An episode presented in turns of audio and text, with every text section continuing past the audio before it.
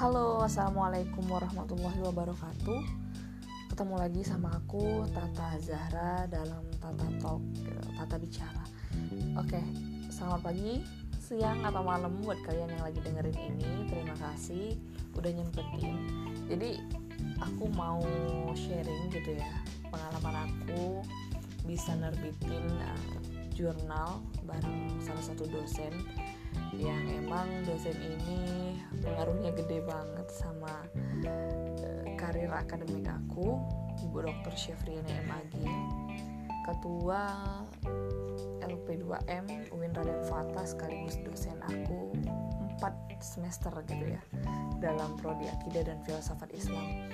Oke, okay, uh, eh, jurnal aku ini judulnya nilai-nilai leluhur suku Bajo dalam membangun sikap bertoleransi sebenarnya ini datanya itu aku peroleh dari hasil dari aku KKN di NTT kemarin tepatnya di Kecamatan Sulamu di Kelurahan Sulamu nah jadi kalau kita e, melihat gitu ya struktur atau dari judul ini nilai-nilai leluhur. Jadi kan nilai-nilai itu berkaitan dengan ada dalam cakupan dalam filsafat etika gitu jadi nilai itu bisa dikategorikan adalah sesuatu yang baik gitu. E, menarik bagi manusia manusia. Yang dicari manusia itu adalah nilainya gitu. Nilai itu yang berarti bisa menyenangkan atau singkatnya ya sesuatu yang baik gitu ya. Nah abstraknya sendiri gitu. Jadi penelitian ini bertujuan untuk mengungkapkan nilai-nilai leluhur suku Bajo di Sulamu Nusa Tenggara Timur dalam membangun sikap bertoleransi. Kenapa bertoleransi? Karena memang e, green tema waktu KKN itu tentang moderasi beragama yang kaitannya sama moderasi. Gitu. Nah, kalau e, metode penelitian yang aku gunain yaitu deskripsi analisis, yaitu aku menggambarkan ya di sana bagaimana suku Bajo, kemudian e, dianalisis, nah menyimpulkan bahwa membangun sikap bertoleransi masyarakat suku Bajo itu sejalan dengan nilai-nilai yang terdapat dalam agama yang mereka anut ya, yaitu Islam. Jadi Islam itu menjadi agama yang menurut mereka itu paling sejalan dengan uh, basic atau budaya mereka. Kalau bicara soal sejarahnya panjang banget sebenarnya banyak ya Nah, untuk itu uh, ada nilai-nilai leluhur yang untuk membangun sikap bertoleransi yaitu dari nilai-nilai keselarasan. Nah, jadi orang-orang suku Bajo ini menganggap bahwasanya kita sebagai manusia harus selaras dengan uh, lingkungan, dengan alam sekitar kita.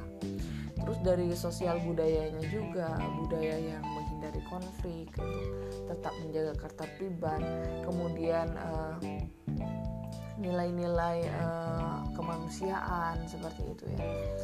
Nah, dalam uh, Islam gitu ya, kita tentu amar ma'ruf nahi munkar itu pasti ya kan. Nah, untuk uh, kenapa di suku Bajo itu salah satu wilayah atau suku di Indonesia yang tampaknya memiliki toleransi tradisi toleransi yang tinggi itu salah satunya ya suku Bajo tadi bertepatan sama tempat KKN ya jadi alhamdulillah banget aku ketemu sama suku Bajo gitu di situ. Jadi risetnya nyambung gitu ya. Nah menariknya gitu suku Bajo di Kelurahan Sulamu ini masih terkategori wilayah 3T gitu. terluar terdepan dan tertinggal di Indonesia. Nah e, di NTT sendiri ya. Suku Bajo itu jadi menariknya suku Bajo itu suku yang hanya yang menghabiskan kehidupannya di lautan. Gitu Nah, mereka mempunyai falsafah hidup bahwasanya laut itu adalah kehidupan. Kebun adalah halaman atau pekarangan ruang mereka itu laut gitu. Mereka berkeyakinan bahwa nenek moyang gitu, nenek moyang mereka merupakan keturunan dewa laut. Nah, sehingga orang-orang Bajo itu nggak bisa lepas, nggak bisa jauh dari yang namanya lautan gitu. Semua aktivitas gitu kehidupan mereka mereka habiskan di lautan atau di sekitar lautan. Dulunya memang orang-orang suku Bajo itu tinggal benar-benar di tengah laut gitu rumah itu terbuat dari papan-papan gitu papan kayu-kayu di tengah laut benar gitu. Tapi pada akhirnya e, seiringnya zaman memang e, mengalami beberapa perubahan e, pemukiman perubahan sosial geografis. Itu kemudian e, memicu untuk orang-orang suku Bajo kemudian menetap di pesisir salah satunya di kelurahan Sulaw jadi kalau ketemu orang Bajo nggak ada yang di perkotaannya mungkin ada uh, orang-orang yang sudah uh, pindah gitu orang-orang Bajo tapi orang-orang suku Bajo aslinya itu di tengah laut ataupun di pesisir gitu. Seperti di Kelurahan Sulamu itu dalam pendahuluannya ya gitu ya. Nah Nusa Tenggara Timur juga menyandang gelar sebagai provinsi dengan tingkat toleransi yang tinggi gitu. Uh, dirilis uh, oleh Balitbang Diklat Kemenak. Maksudnya Nusa Tenggara Timur ini menyandang provinsi dengan tingkat toleransi yang tinggi nomor 2 gitu ya. Di NTT gitu. Ini hebat banget nih sebenarnya. Orang Islam uh, itu kan di suku Bajo itu kan orang Islam. Kemudian orang NTT itu kebanyakan kita tahu mayoritasnya Kristen, Protestan dan Katolik gitu kan. Bagaimana kemudian menggabungkan atau toleransi yang terjadi antara orang Islam dan orang-orang Kristen kemudian yang disatukan dalam satu daerah kemudian budaya juga yang melekat. Jadi nilai-nilai apa kita lihat dari sudut pandang suku Bajo dalam mempertahankan sikap bertoleransi gitu. Itu metode analisis wawancara gitu ya. Kemudian saya mengatur atau menginterpretasi memberikan makna pada analisis terhadap suku Bajo. Nah, hasil dan pembahasannya jadi suku Bajo itu kehadiran suku Bajo pertama kali di memang di Sulamu menurut cerita tokoh adat itu dimulai dari tahun 1818 Masehi.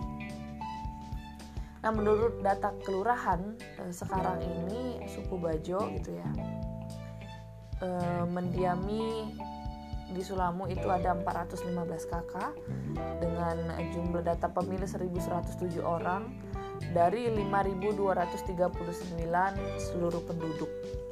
Gitu. Nah, jadi Kelurahan Sulamu di Kelurahan Sulamu. Suku Bajo di Sulamu e, didominasi pendatang yang berasal dari Pulau Sulawesi gitu. Jadi banyak dari Pulau Sulawesi dan uh, ada juga Pulau Kera di sana tuh Pulau Kera itu pulau uh, teman-teman bisa searching ya Pulau Kera itu adalah pulau yang dekat dengan kota Kupang dan itu sebenarnya pulau itu didiami oleh banyak masyarakat suku Bajo yang sampai sekarang atau sampai hari ini belum mendapat akses uh, kehidupan seperti listrik, uh, air bersih, kemudian akses kesehatan.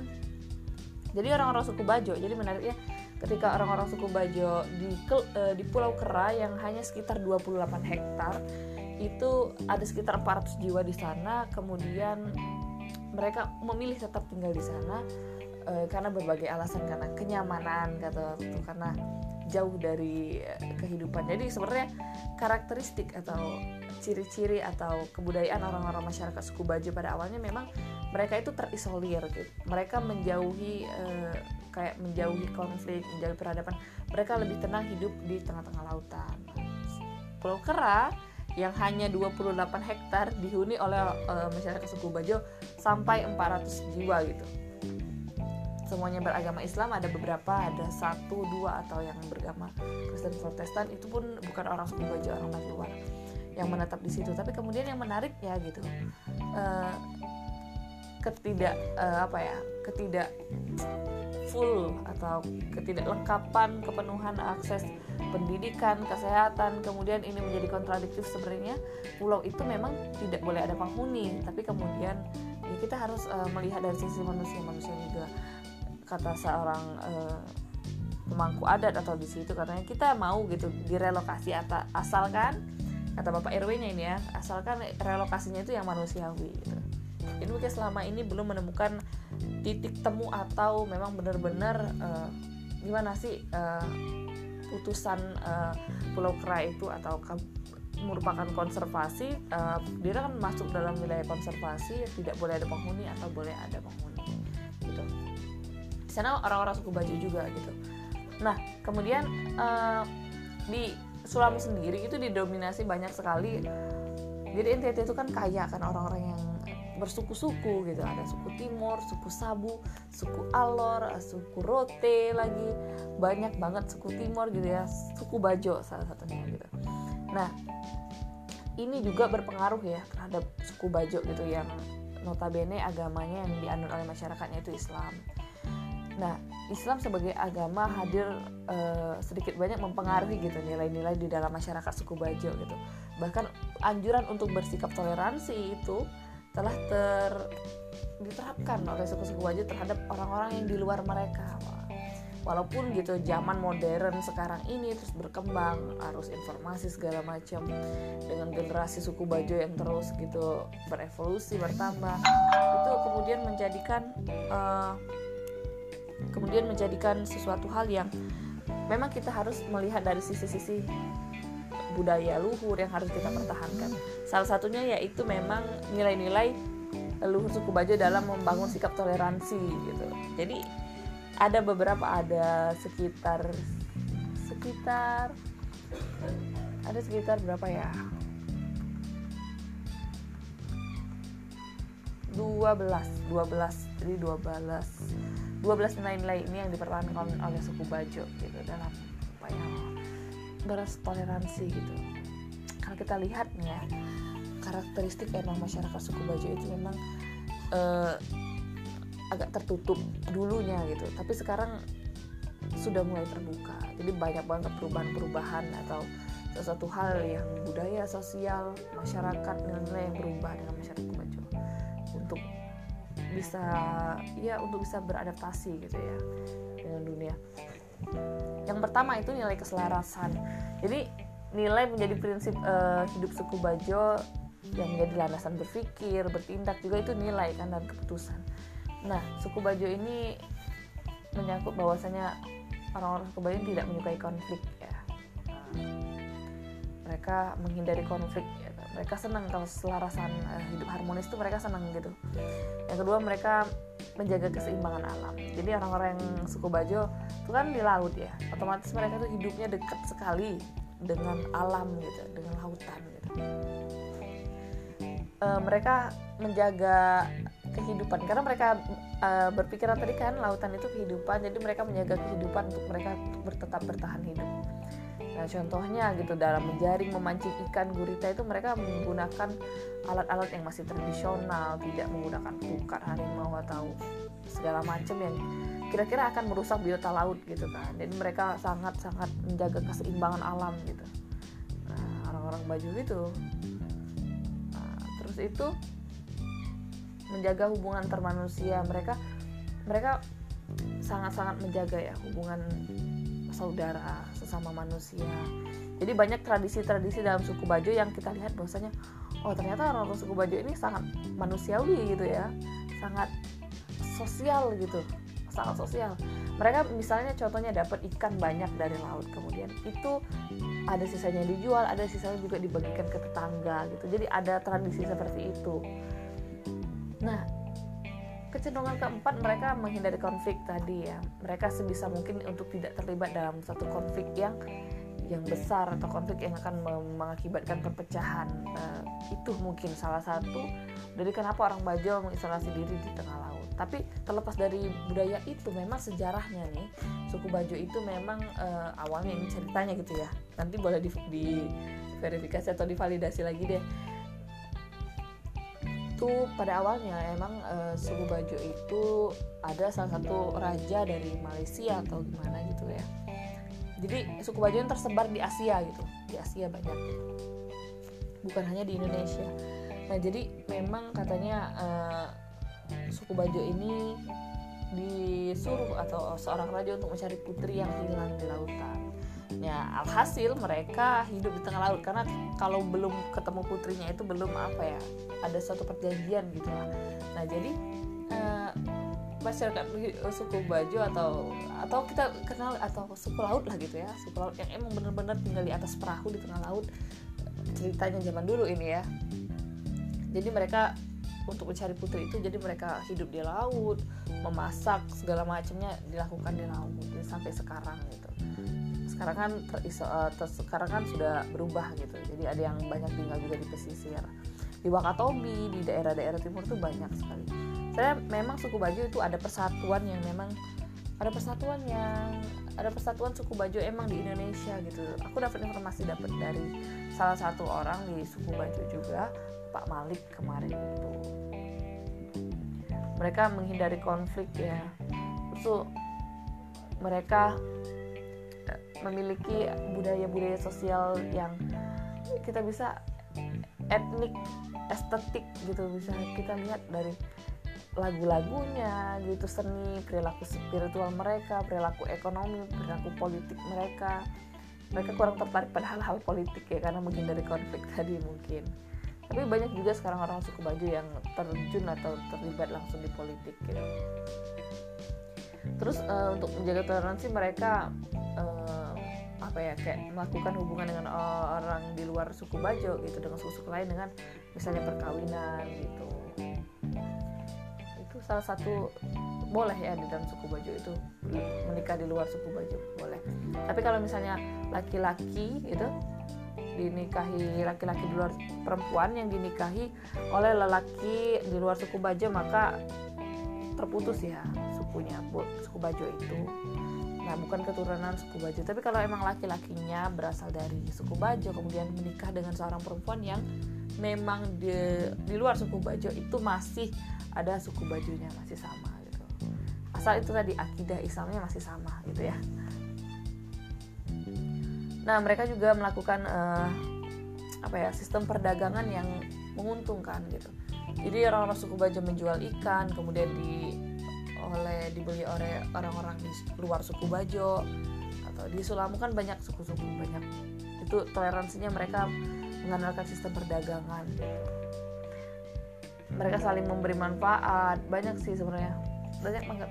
Contohnya orang-orang suku Bajo uh, terlibat dalam apa ya bisa kita bilang dalam uh, kelurahan Sulamu gitu pemerintahan gitu banyak sekali sebenarnya. Terus tuh mereka tuh suka gotong royong dan kebersamaan. Jadi ada tradisi suku Bajo untuk eh, membuat sebuah kapal untuk laut itu didorong. Ada tradisinya namanya. Waktu aku sampai ke Sulamu waktu itu kebetulan ada kapal yang baru bersandar di Kelurahan Sulamu. Setelah mereka melakukan e, penangkapan ikan selama satu bulan di lautan e, Australia gitu ya jadi ada tradisi yang namanya makan kacang bubur gitu loh. Eh, buburnya itu bubur ketan sama kayak e, dikasih gula merah. Enak sebenarnya. Jadi itu tradisi. Jadi itu diletakin di pinggir pantai gitu.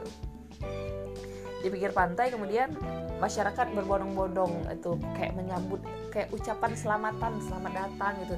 Selamat kembali lagi. Jadi setelah melaut selama satu bulan mereka kembali dengan selamat. Itu kayak ungkapan rasa syukur sih yang masyarakat Bajo masih tradisikan sampai sekarang gitu. Terus mereka menghadiri undang-undangan gitu. Sosial lah sifatnya gitu. Walaupun undangan dari masyarakat suku Rote, suku Alor, kemudian yang berbeda agama mereka tetap menghadiri. Begitupun sebaliknya gitu ya.